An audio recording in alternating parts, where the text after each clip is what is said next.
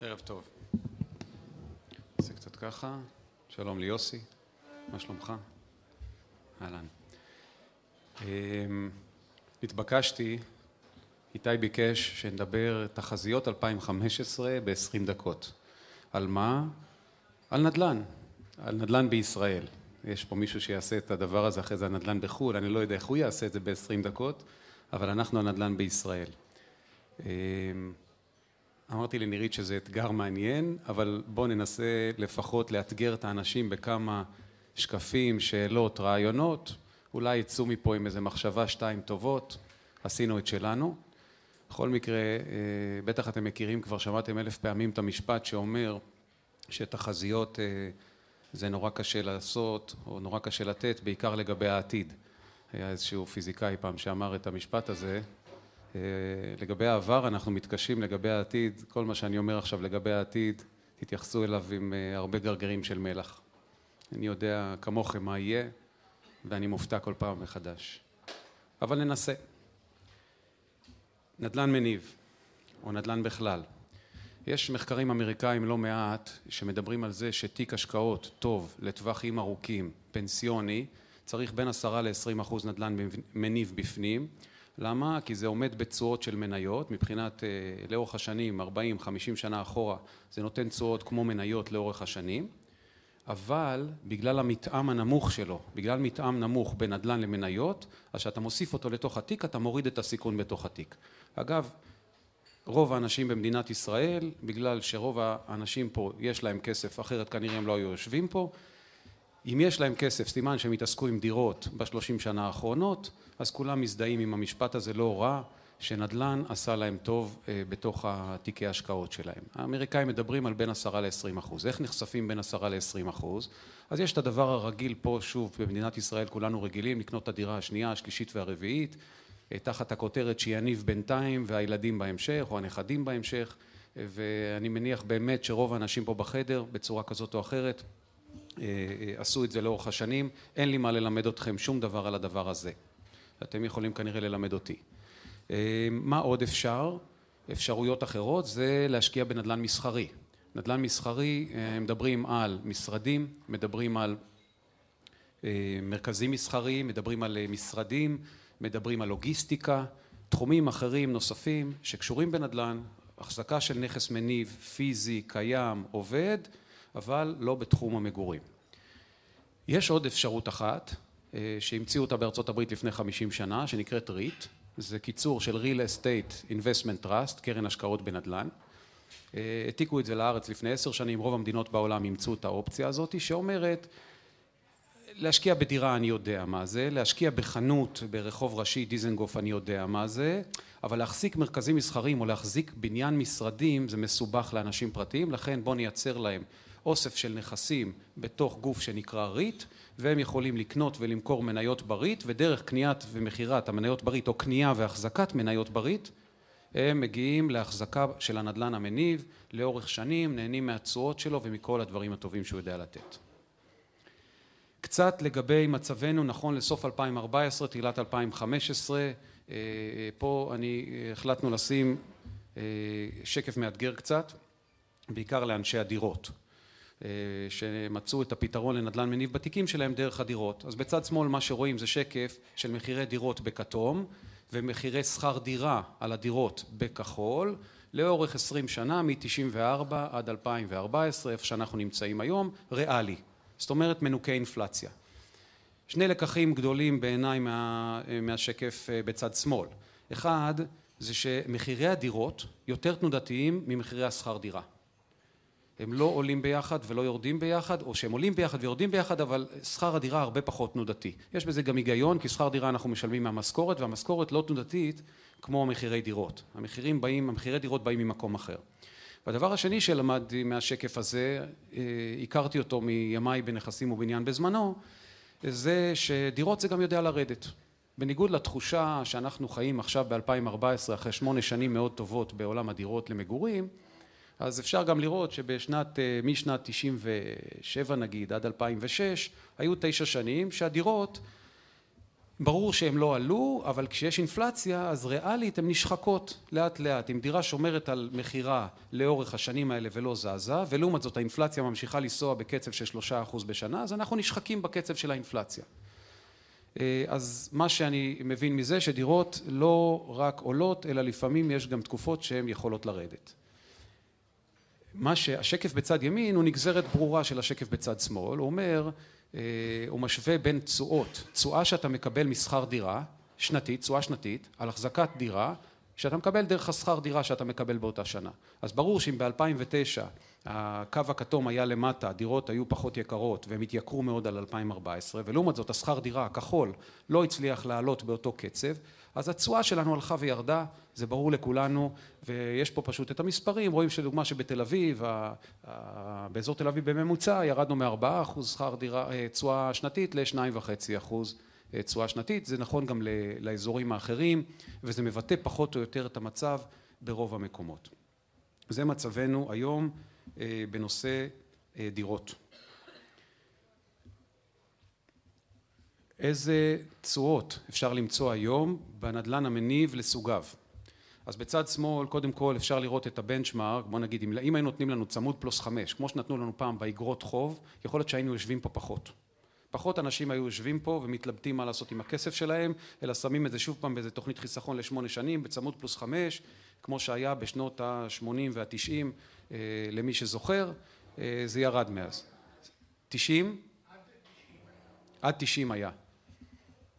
אני, בוא נגיד, תראו, 2007 עוד היה אגרות חוב בשוק בשלושה וחצי אחוז תשואה, זאת אומרת, תכף אני, אני אראה את זה, אני אראה את זה בהמשך. אבל anyway, היום זה ברור לכולנו שזה צמוד פלוס חצי, את זה אנחנו מכירים. באגרות חוב הכי ארוכות אנחנו מקבלים היום צמוד פלוס חצי, זה מה שאפשר לקבל היום באג"ח מדינה. אם אנחנו מסתכלים על הדירות, אז אנחנו מדברים על אזור של, אה, לא משנה, שלושה אחוז, ארבעה אחוז, אם אתה יוצא מתל אביב, קשה לעלות מעל החמישה אחוז גם אם אתה יוצא לפריפריה משמעותית בנושא של דירות. לעומת זאת נכסים מסחריים למי שמכיר עולם שנמצא היום בישראל בין שבעה וחצי לשמונה אחוז. יכול באמצע תל אביב בנכסים מצוינים לרדת לאזור השבע ולעומת זאת בפריפריה זה יכול לעלות גם לאזור התשעה אחוז. מדברים על נכסים שנותנים תשואות בין שבעה לתשעה אחוז. מטבע הדברים כשאתה לוקח משהו שנותן שמונה אחוז בממוצע וממנף אותו באגרות חוב או ממנף אותו בעלות חוב שהיא יחסית נמוכה כי זה המצב במדינת ישראל אתה מקבל תשואות מאוד גבוהות בנכס הממונף.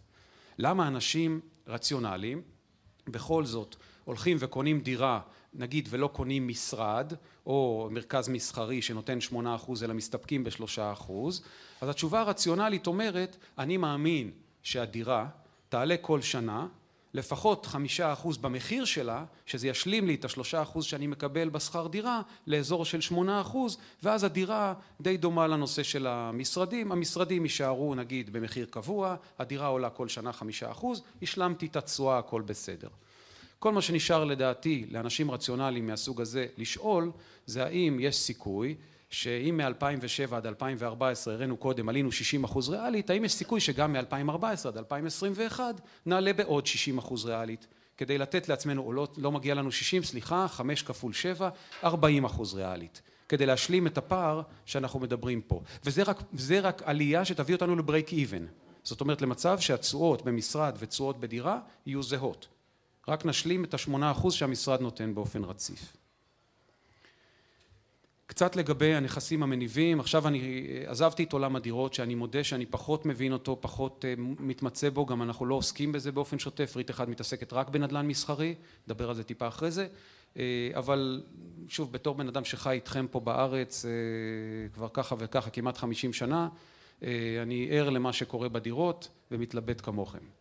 לגבי הנדל"ן המסחרי המצב אולי הדבר שהכי שולט הכי דומיננטי במה שאפשר לקבל ממנו בשנים הקרובות או בשנה הקרובה אנחנו מדברים עכשיו ציפיות 2015 זה ההפרש שנוצר אה, בשנתיים האחרונות בין הנכסים אפשר לראות את הקו העליון זה בכחול זה התשואה שנכסים מניבים אמרתי משרדים מסחר יודע להביא ברמה השנתית באחוזים על ההחזקה שלהם. אפשר לראות שזה זז מ-2007 בשמונה אחוז נגיד היום זה בשבעה וחצי אחוז פלוס מינוס שמר את אותה רמה לאורך התקופה הזאתי לעומת זאת האג"חים עלות המימון של החברות, של האנשים, של כולנו, אתם מכירים את זה גם מהמשכנתאות בדירות, ירדה מאוד משמעותית מ-2007, זה מה שאמרתי שאפשר לראות פה ב-2007 שקיבלנו שלושה וחצי אחוז צמוד עוד באג"חים הארוכים והדבר הזה נמצא היום בחצי אחוז. הכתום, הקו הכתום זה ההפרש ביניהם.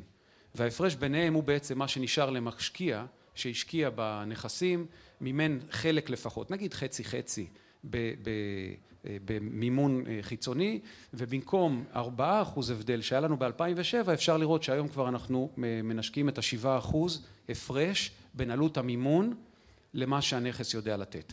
זה הפרש פנומנלי, זה הפרש שכמעט לא קיים בעולם.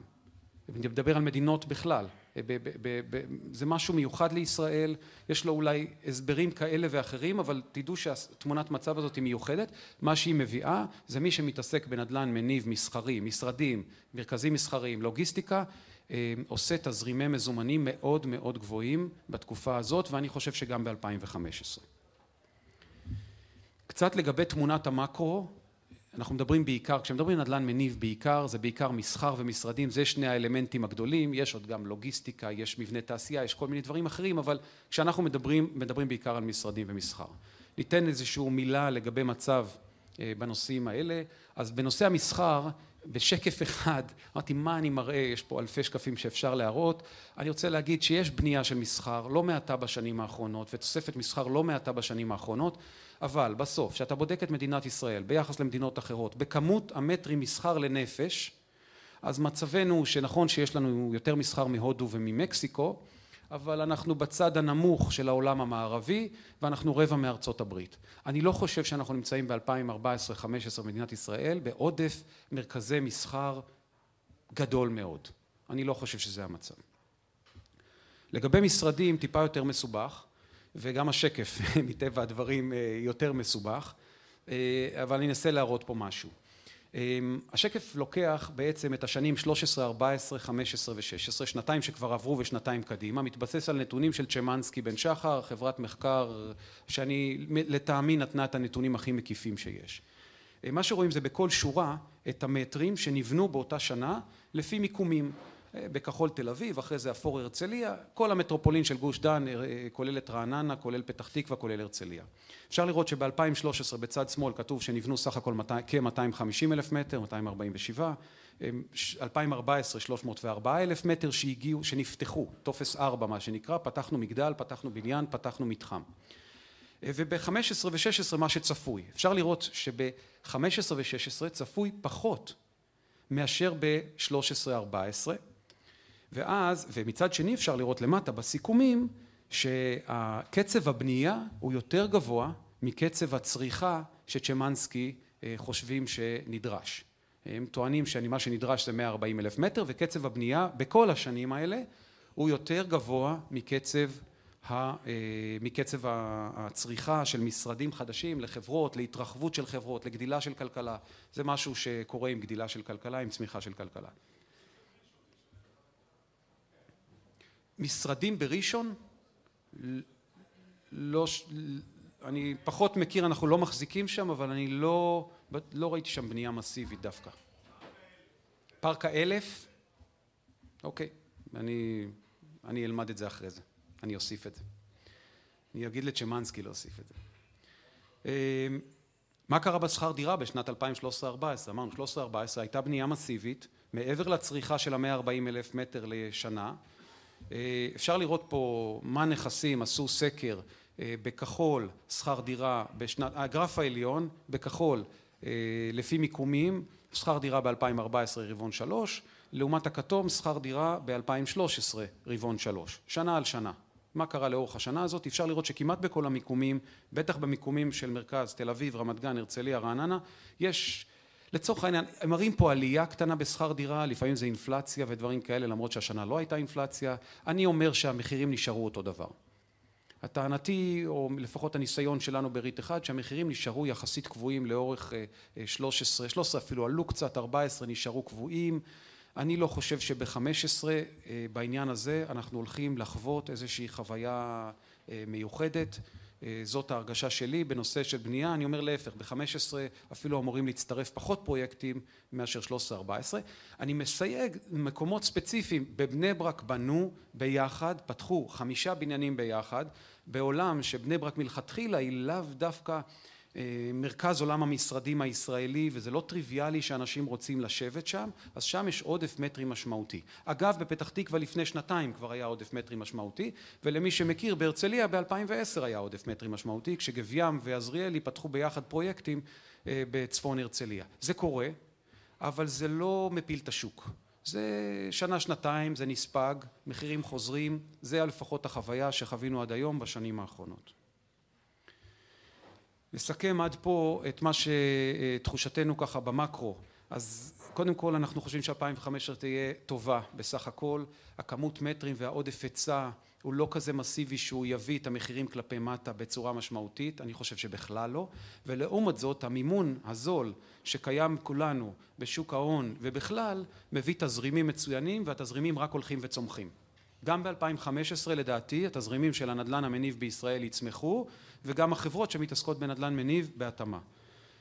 חוץ מזה אני חושב שראיתי לא מזמן דיבור על זה בוא נגיד ככה כמה חזאים יצאו לאחרונה עם זה שהכלכלה כבר לא תצמח בשלושה אחוז מדברים על שלושה וחצי אחוז אני חושב שהדולר בארבעה שקלים הנפט בחמישים דולר חבית ועוד כמה דברים שפועלים לטובתנו יכול, אפילו יכולה להיות בסוף 2015 שנה של צמיחה מפתיעה לטובה שזה תמיד עוזר לנדל"ן מניב בהיערכות לעתיד מהבחינה של ריט אחד או של האנשים שפועלים בענף לעודף היצע או דברים מסוג כזה אז תמיד מינוף נמוך פיזור גיאוגרפי פיזור סקטוריאלי ובסוף ניהול זה מה שמביא אותך לתפקד טוב ולהביא תוצאות טובות גם בשנים של עודף היצע וירידות מחירים.